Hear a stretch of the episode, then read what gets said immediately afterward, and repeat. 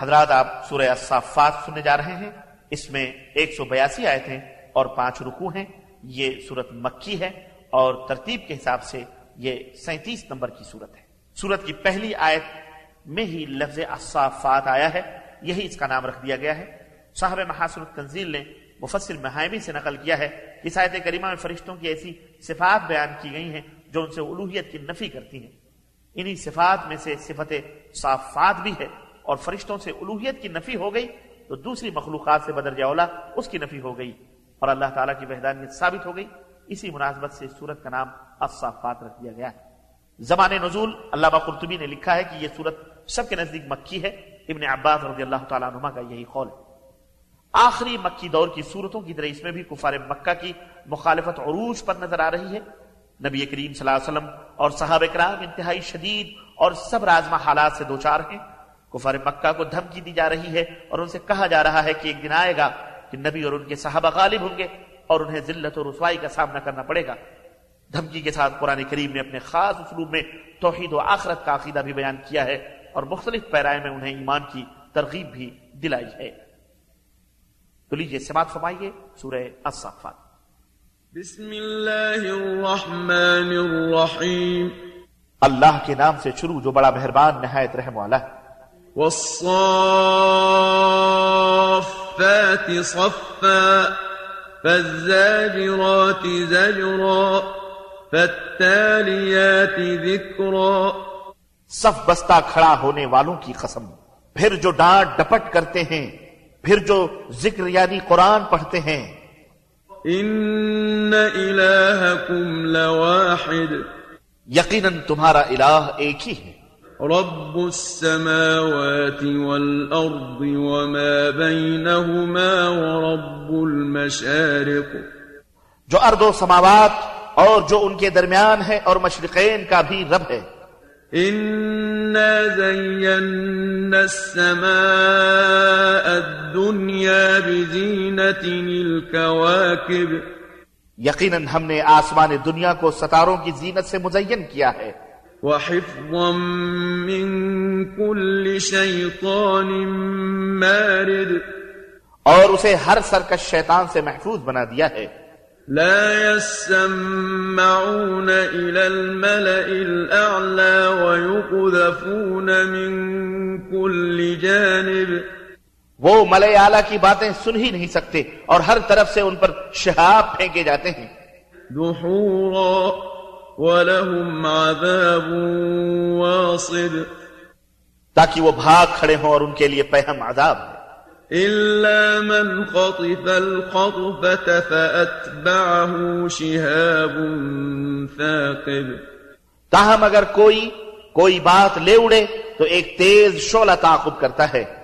فاستفتهم أهم أشد خلقا أم من خلقنا؟ إنا خلقناهم من طين لازب آپ ان سے پوچھئے کیا ان کی تخلیق زیادہ مشکل ہے یا جو ہم پیدا کر چکے ہیں؟ ہم نے انہیں لیسدار گارے سے پیدا کیا۔ بل عجبت ويسخرون وإذا ذكروا لا يذكرون وإذا رأوا آية يستسخرون بلکہ آپ کو تعجب ہے اور یہ مذاق اڑاتے ہیں۔ اور جب سمجھائے جائے تو سمجھتے اور جب نشانی دیکھتے ہیں تو تمسخر کرتے ہیں۔ وقالوا إن هذا إلا سحر مبين۔ اور کہتے ہیں کہ یہ تو سریح جادو ہے۔ أإذا متنا وكنا ترابا وعظاما أإنا لمبعوثون۔ بھلا جب ہم مر کر مٹی اور ہڈیاں بن جائیں گے تو کیا پھر ہم اٹھائے جائیں گے؟ أو آباؤنا الأولون قل نعم وأنتم داخرون فإنما هي زجرة واحدة فإذا هم ينظرون اور کیا ہمارے آبا و اجداد بھی؟ فرما دیجیے ہاں۔ اور تم بے بس ہوگے۔ وہ تو بس ایک ڈانٹ ہوگی جس پر وہ فوراً دیکھنے لگیں گے۔ وقالوا يا ويلنا هذا يوم الدين۔ هذا يوم الفصل الذي كنتم به تكذبون۔ اور کہیں گے ہائے بدبختی یہ تو جزا اور سزا کا دن ہے۔ یہی فیصلے کا دن ہے جسے تم جھٹلایا کرتے تھے۔ احشروا الذين ظلموا وأزواجهم وما كانوا يعبدون. ان ظالموں کو اور ان کے ہم جنسوں کو اور ان کو اکٹھا کرو جن کی یہ عبادت کیا کرتے تھے اللہ کے سوا۔ من دون الله فاهدوهم إلى صراط الجحيم پھر انہیں جہنم کی راہ پر چلا دو۔ وقفوهم إنهم مسؤولون. ما لكم لا تناصرون. بل هم اليوم مستسلمون. اور انہیں ذرا ٹھہراؤ ان سے پوچھا جائے گا تمہیں کیا ہو گیا؟ تم باہم مدد کیوں نہیں کرتے؟ بلکہ آج وہ تو متی بن جائیں گے۔ وَأَقْبَلَ بَعْضُهُمْ عَلَى بَعْضٍ يَتَسَاءَلُونَ. اور ایک دوسرے کی طرف متوجہ ہو کر باہم سوال کریں گے۔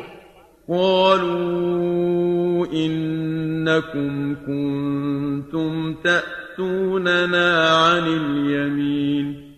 قالوا بل لم تكونوا مؤمنين۔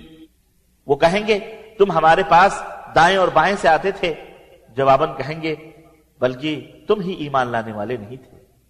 وما كان لنا عليكم من سلطان بل كنتم قوما طاغين اور ہمارا تم پر کچھ زور بھی نہیں تھا بلکہ تم خود سرکش تھے فحق علينا قول ربنا إنا لذائقون فأغويناكم إنا كنا غاوين۔ ہمارے رب کا قول ہم پر صادق آ گیا کہ ہم عذاب کا مزہ چکھنے والے ہیں۔ ہم نے تمہیں گمراہ کیا کیونکہ ہم خود بھی گمراہ تھے۔ فإنهم يومئذ في العذاب مشتركون۔ إنا كذلك نفعل بالمجرمين۔ آج کے دن وہ سب عذاب میں برابر کے شریک ہوں گے۔ واقعی ہم مجرموں سے ایسا ہی سلوک کیا کرتے ہیں۔ إنهم كانوا إذا قيل لهم لا إله إلا الله يستكبرون ان سے جب یہ کہا جاتا ہے کہ اللہ کے سوا کوئی الہ نہیں تو وہ تکبر کرتے تھے۔ وَيَقُولُونَ أَئِنَّا لَتَارِكُوا آلِهَتِنَا لِشَاعِرٍ مَجْنُونَ اور کہتے تھے کیا ہم ایک مجنو شاعر کی خاطر اپنے معبودوں کو چھوڑ سکتے ہیں؟ بل جاء بالحق وصدق المرسلين إنكم لذائق العذاب الأليم. حالانکہ وہ حق لایا اور اس نے رسولوں کی تصدیق کی تھی۔ انہیں کہا جائے گا آج تمہیں یقیناً المناک عذاب چکھنا پڑے گا۔ وما تجزون إلا ما كنتم تعملون۔ إلا عباد الله المخلصين۔ اور تمہیں ایسا ہی بدلہ دیا جائے گا جیسے تم کرتے رہے۔ مگر اللہ کے مخلص بندے وہ محفوظ رہیں گے۔ أولئك لهم رزق معلوم فواكه وهم مكرمون في جنات النعيم على سرر متقابلين ان کے لیے ایسا رزق ہوگا جو انہیں معلوم ہے۔ یعنی لذیذ میوے، اور وہ معزز ہوں گے، نعمتوں والے باغات میں ہوں گے، آمنے سامنے تختوں پر بیٹھے ہوں گے۔ يطاف عليهم بكأس من معين بيضاء لذة للشاربين، لا فيها غول ولا هم عنها ينزفون۔ ان کے لیے چشموں سے شراب کے جام کا دور چلے گا جو نہایت سفید اور پینے والوں کے لیے لذیذ ہوگی جس سے نہ سر درد ہوگا اور نہ وہ بدمست ہوں گے۔ وعندهم قاصرات الطرف عين كأنهن بيض مكنون۔ ان کے پاس نیچی نگاہوں والی اور موٹی آنکھوں والی عورتیں ہوں گی۔ ایسی نازک ہوں گی جیسے انڈے کے چھلکے کے نیچے چھپی ہوئی جھلی۔ فأقبل بعضهم على بعض يتساءلون۔ یہ بھی آپس میں متوجہ ہو کر سوال کریں گے۔ قال قائل منهم إني كان لي قرين۔ يقول أئنك لمن المصدقين ان میں سے ایک کہے گا دنیا میں میرا ایک ہم نشین تھا جو مجھے کہا کرتا کیا تو بھی تصدیق کرنے والوں میں شامل ہو گیا؟ أَإِذَا مِتْنَا وَكُنَّا تُرَابًا وَعِظَامًا أَإِنَّا لَمَدِينُونَ بھلا جب ہم مر کر مٹی اور ہڈیاں بن جائیں گے تو کیا ہمیں جزا اور سزا بھگتنا پڑے گی؟ قال هل أنتم مطلعون؟ پھر وہ کہے گا کیا تم اس کا حال معلوم کرنا چاہتے ہو؟ فاطلع فرآه في سواء الجحيم. قال تالله إن كدت لتردين. پھر وہ جھانکے گا تو اسے جہنم کے عین درمیان دیکھے گا اور کہے گا اللہ کی قسم تم تو مجھے ہلاک کر کے ہی چھوڑتے۔ ولولا نعمة ربي لكنت من المحضرين۔ اور اگر مجھ پر میرے اللہ کا احسان نہ ہوتا تو میں بھی تمہاری طرح حاضر کیے ہوئے لوگوں میں ہوتا۔ أفما نحن بميتين۔ وہ دل میں کہے گا کیا اب تو ہمیں موت نہیں آئے گی؟ إلا موتتنا الأولى وما نحن بمعذبين۔ وہ ہمیں پہلی بار ہی مرنا تھا اور اب ہمیں عذاب بھی نہیں ہوگا۔ إن هذا لهو الفوز العظيم لمثل هذا فليعمل العاملون۔ یقیناً یہ بہت بڑی کامیابی ہے۔ ایسی ہی کامیابی کے لیے عمل کرنے والوں کو عمل کرنا چاہیے۔ أذلك خير نزلا أم شجرة الزقوم إنا جعلناها فتنة للظالمين بتلاؤ، ایسی ضیافت اچھی ہے یا تھوہر کے درخت کی ضیافت اچھی، جسے ہم نے ظالموں کے لیے ایک آزمائش بنا دیا۔ إنها شجرة تخرج في أصل الجحيم. وہ ایسا درخت ہے جو جہنم کی تہ سے نکلتا ہے۔ طلعها كأنه رؤوس الشياطين. فإنهم لآكلون منها فمالئون منها البطون. اس کے شگوفے ایسے ہیں جیسے شیطانوں کے سر۔ اہل جہنم اسی کو کھائیں گے اور اسے اپنے پیٹ بھریں گے۔ ثم إن لهم عليها لشوبا من حميم۔ پھر اس پر انہیں پینے کو پیپ ملا کھولتا ہوا پانی ملے گا۔ ثم مرجعهم لإلى الجحيم۔ پھر انہیں جہنم کی طرف لوٹنا ہوگا۔ إنهم ألفوا آباءهم ضالين فهم على آثارهم يهرعون انہوں نے اپنے آبا اجداد کو گمراہ پایا تو انہی کے نقش قدم پر دوڑنے لگے۔ ولقد ضل قبلهم أكثر الأولين حالانکہ ان سے پہلے بہت سے گزشتہ لوگ گمراہ ہو چکے تھے۔ ولقد أرسلنا فيهم منذرين فانظر كيف كان عاقبة المنذرين۔ بلا شبہ ہم نے ان میں ڈرانے والے بھیجے تھے۔ پھر دیکھ لو جنہیں ڈرایا گیا تھا ان کا انجام کیا ہوا؟ إلا عباد الله المخلصين۔ ان میں سے صرف اللہ کے مخلص بندے ہی محفوظ رہے۔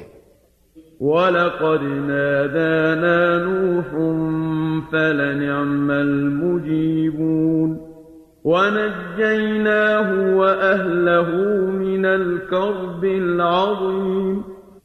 اور نوح نے ہمیں پکارا تو ہم خوب دعا قبول کرنے والے ہیں۔ اور انہیں اور ان کے گھر والوں کو شدید بے چینی سے نجات دی۔ وجعلنا ذريته هم الباقين وتركنا عليه في الآخرين اور صرف انہی کی أولاد کو باقی رکھا اور بعد میں آنے والی نسلوں میں ان کا ذکر خیر چھوڑ دیا۔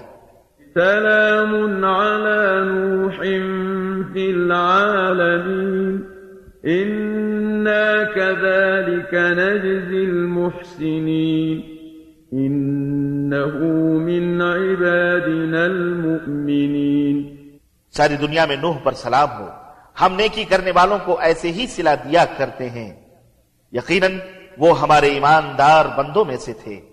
ثم أغرقنا الآخرين. پھر ہم نے نوح کے علاوہ باقی لوگوں کو غرق کر دیا۔ وَإِنَّ مِن شِيعَتِهِ لَإِبْرَاهِيمَ۔ إِذْ جَاءَ رَبَّهُ بِقَلْبٍ سَلِيمٍ اور اسی نوح کے گروہ سے ابراہیم تھے جبکہ وہ اپنے رب کے ہاں صاف دل لے کر آئے۔ إذ قال لأبيه وقومه ماذا تعبدون؟ أئفكا آلهة دون الله تريدون؟ جب انہوں نے اپنے باپ اور اپنی قوم سے پوچھا تم کس کی عبادت کرتے ہو؟ کیا تم اللہ کو چھوڑ کر جھوٹے الہ چاہتے ہو؟ فما ظنكم برب العالمين پھر تمہارا رب العالمین کی نسبت کیا خیال ہے؟ فنظر نظرة في النجوم فقال إني سقيم فتولوا عنه مدبرين. پھر انہوں نے ستاروں میں نظر ڈالی۔ تو کہا میری طبیعت خراب ہے چنانچہ وہ انہیں پیچھے چھوڑ گئے۔ فراغ إلى آلهتهم فقال ألا تأكلون؟ ما لكم لا تنطقون؟ تو ابراہیم چپکے سے ان کے معبودوں کی طرف جا گھسے اور کہا تم کھاتے کیوں نہیں؟ تمہیں کیا ہو گیا؟ تم بولتے نہیں؟ فراغ عليهم ضربا باليمين فأقبلوا إليه يزفون پھر وہ ان پر پل پڑے اور دائیں ہاتھ سے ضربیں لگائیں۔ پھر وہ دوڑتے ہوئے ابراہیم کے پاس آئے۔ قال أتعبدون ما تنحتون؟ والله خلقكم وما تعملون۔ ابراہیم نے کہا کیا تم ان کی عبادت کرتے ہو جنہیں تراشتے ہو؟ حالانکہ اللہ نے تمہیں پیدا کیا اور ان کو بھی جو تم بناتے ہو۔ قالوا ابنوا له بنيانا فألقوه في الجحيم۔ وہ کہنے لگے اس کے لیے الاؤ تیار کرو اور اسے جہنم میں پھینک دو۔ فأرادوا به كيدا فجعلناهم الأسفلين۔ انہوں نے ابراہیم کے خلاف تدبیر کی مگر ہم نے انہیں نیچا دکھا دیا۔ وقال إني ذاهب إلى ربي سيهدين۔ رب هب لي من الصالحين۔ فبشرناه بغلام حليم۔ ابراہیم نے کہا میں اپنے رب کی طرف جاتا ہوں وہی میری رہنمائی کرے گا۔ اے میرے رب مجھے صالح بیٹا عطا فرما۔ چنانچہ ہم نے انہیں بردبار بیٹے کی بشارت دی فلما بلغ معه السعي قال يا بني إني أرى في المنام أني أذبحك فانظر ماذا ترى قال يا أبت افعل ما تؤمر ستجدني إن شاء الله من الصابرين. پھر جب وہ بیٹا ان کے ہمراہ دوڑ دھوپ کی عمر کو پہنچا، تو ابراہیم نے کہا، بیٹے، میں نے خواب دیکھا ہے کہ میں تمہیں ذبح کر رہا ہوں۔ اب بتلاؤ تمہاری کیا رائے ہے؟ بیٹے نے کہا، ابا جان، وہی کچھ کیجیے جو آپ کو حکم ہوا ہے۔ آپ انشاءاللہ مجھے صبر کرنے والا پائیں گے۔ فلما اسلما وتله للجبين پھر جب دونوں نے سر تسلیم خم کر دیا اور ابراہیم نے بیٹے کو پیشانی کے بل گرا دیا وناديناه أن يا إبراهيم قد صدقت الرؤيا إنا كذلك نجزي المحسنين تب ہم نے اسے پکارا اے ابراہیم تم نے خواب کو سچ کر دکھایا۔ ہم یقیناً نیکی کرنے والوں کو ایسے ہی سلا دیا کرتے ہیں۔ إن هذا لهو البلاء المبين وفديناه بذبح عظيم یقیناً یہ ایک سریح آزمائش تھی اور ہم نے ایک بڑی قربانی ان کا فدیہ دیا۔ وتركنا عليه في الآخرين اور پچھلے لوگوں میں اس کا ذکر خیر چھوڑ دیا۔ سلام على إبراهيم كذلك نجزي المحسنين إنه من عبادنا المؤمنين۔ ابراہیم پر سلام ہو ہم نیکی کرنے والوں کو ایسے ہی بدلا دیا کرتے ہیں۔ بلا شبہ وہ ہمارے ایماندار بندوں میں سے تھے۔ وبشرناه بإسحاق نبيا من الصالحين۔ اور ہم نے ابراہیم کو اسحاق کی بشارت دی۔ وباركنا عليه وعلى إسحاق ومن ذريتهما محسن وظالم لنفسه مبين۔ جو صالح لوگوں میں سے نبی ہوگا اور ہم نے ابراہیم اور اسحاق دونوں پر برکت نازل کی اور ان دونوں کی اولاد سے کچھ نیک لوگ پیدا ہوئے اور کچھ اپنے آپ پر سریح ظلم کرنے والے تھے۔ ولقد مننا على موسى وهارون ونجيناهما وقومهما من الكرب العظيم اور اسی طرح ہم نے موسا اور ہارون پر بھی بڑا احسان کیا اور انہیں اور ان کی قوم کو شدید بے چینی سے نجات دی۔ ونصرناهم فكانوا هم الغالبين وآتيناهما الكتاب المستبين اور ان کی مدد کی تو بالآخر وہی غالب ہوئے۔ اور دونوں کو نہایت واضح کتاب دی۔ وهديناهما الصراط المستقيم وتركنا عليهما في الآخرين اور انہیں سرات مستقیم پر چلایا اور ان کا ذکر خیر پچھلی نسلوں میں چھوڑ دیا۔ سلام على موسى وهارون إنا كذلك نجزي المحسنين إنهما من عبادنا المؤمنين موسا اور ہارون پر سلام ہو۔ ہم نے ککاروں کو ایسے ہی سلا دیا کرتے ہیں۔ وہ دونوں ہمارے ایماندار بندوں میں سے تھے۔ وَإِنَّ إِلْيَاسَ لَمِنَ الْمُرْسَلِينَ۔ اور الیاس بھی بلا شبہ رسولوں میں سے تھے۔ إِذْ قَالَ لِقَوْمِهِ أَلَا تَتَّقُونَ؟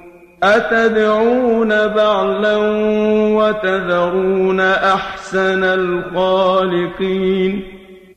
جب انہوں نے اپنی قوم سے کہا تم اللہ سے ڈرتے نہیں؟ تم بعل کو تو پکارتے ہو اور حسن الخالقین کو چھوڑ دیتے ہو۔ الله ربكم ورب آبائكم الأولين۔ فكذبوه فإنهم لمحضرون۔ اس اللہ کو جو تمہارا اور تمہارے پہلے آبا و اجداد کا رب ہے مگر انہوں نے اسے جھٹلایا لہذا وہ عذاب کے لیے حاضر کیے جائیں گے۔ إلا عباد الله المخلصين۔ بجز اللہ کے مخلص بندوں۔ کی وتركنا عليه في الآخرين۔ سلام على الياسين إنا كذلك نجزي المحسنين إنه من عبادنا المؤمنين اور پچھلی نسلوں میں اس کا ذکر خیر چھوڑ دیا الیاس پر سلام ہو ہم نے گکاروں کو ایسے ہی صلح دیا کرتے ہیں یقیناً وہ ہمارے ایماندار بندوں میں سے تھے وَإِنَّ لُوطًا لَّمِنَ الْمُرْسَلِينَ اور لوت بھی بلا شبہ ہمارے رسولوں میں سے تھے إِذْ نَجَّيْنَاهُ وَأَهْلَهُ أَجْمَعِينَ إِلَّا عَجُوزًا فِي الْغَابِرِينَ ثُمَّ دَمَّرْنَا الْآخَرِينَ جب ہم نے انہیں اور ان کے اہل و عیال کو نجات دی سوائے ایک بڑھیا کے جو پیچھے رہنے والوں میں تھی، پھر باقیوں کو ہم نے تباہ کر دیا۔ وَإِنَّكُمْ لَتَمُرُّونَ عَلَيْهِمْ مُصْبِحِينَ وَبِاللَّيْلِ أَفَلَا تَعْقِلُونَ اور تم لوگ ان کی اجڑی بستی پر سے صبح و شام گزرتے رہتے ہو پھر کیا تمہیں عقل نہیں آئی؟ وَإِنَّ يُونُسَ لَمِنَ الْمُرْسَلِينَ اور یونس بھی بلا شبہ رسولوں میں سے تھے۔ إذ أبق إلى الفلك المشحون فساهم فكان من المدحضين.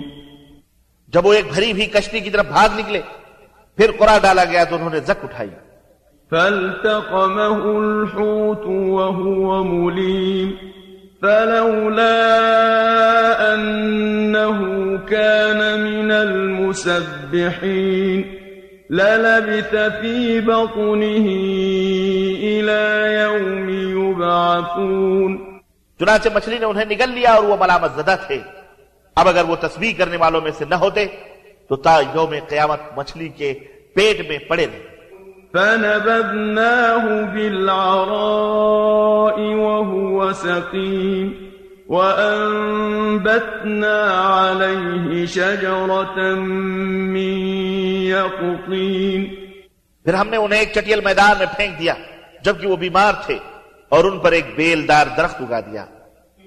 وأرسلناه إلى مئة ألف أو يزيدون. فآمنوا فمتعناهم إلى حين. اور بعد میں انہیں ایک لاکھ یا اس سے زیادہ لوگوں کی طرف بھیجا۔ چنانچہ وہ لوگ ایمان لائے تو ہم نے انہیں کچھ مدت زندگی سے فائدہ اٹھانے کا موقع دیا۔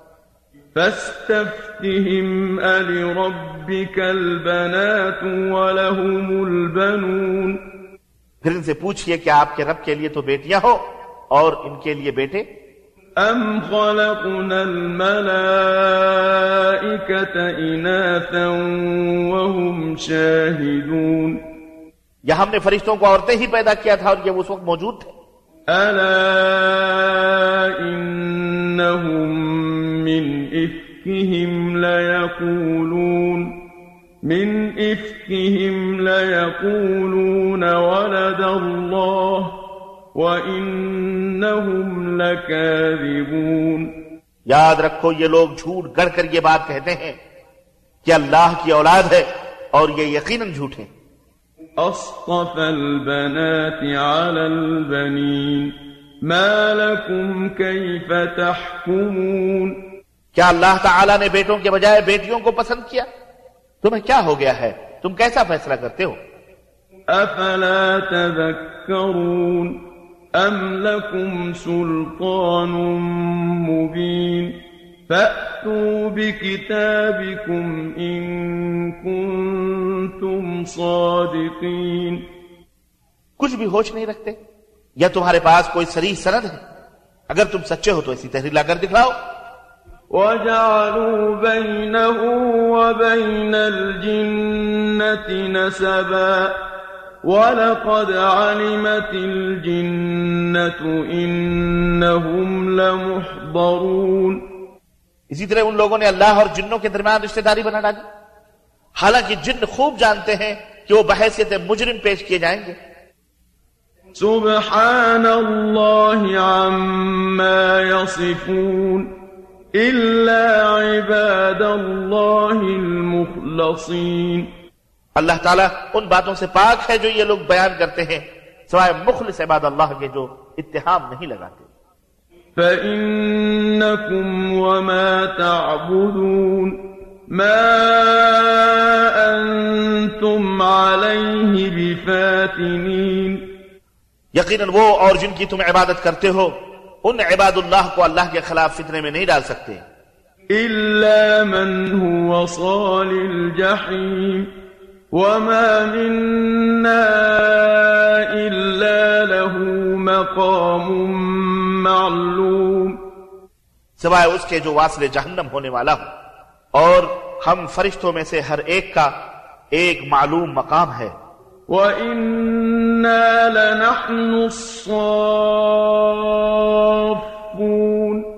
وَإِنَّا لَنَحْنُ الْمُسَبِّحُونَ۔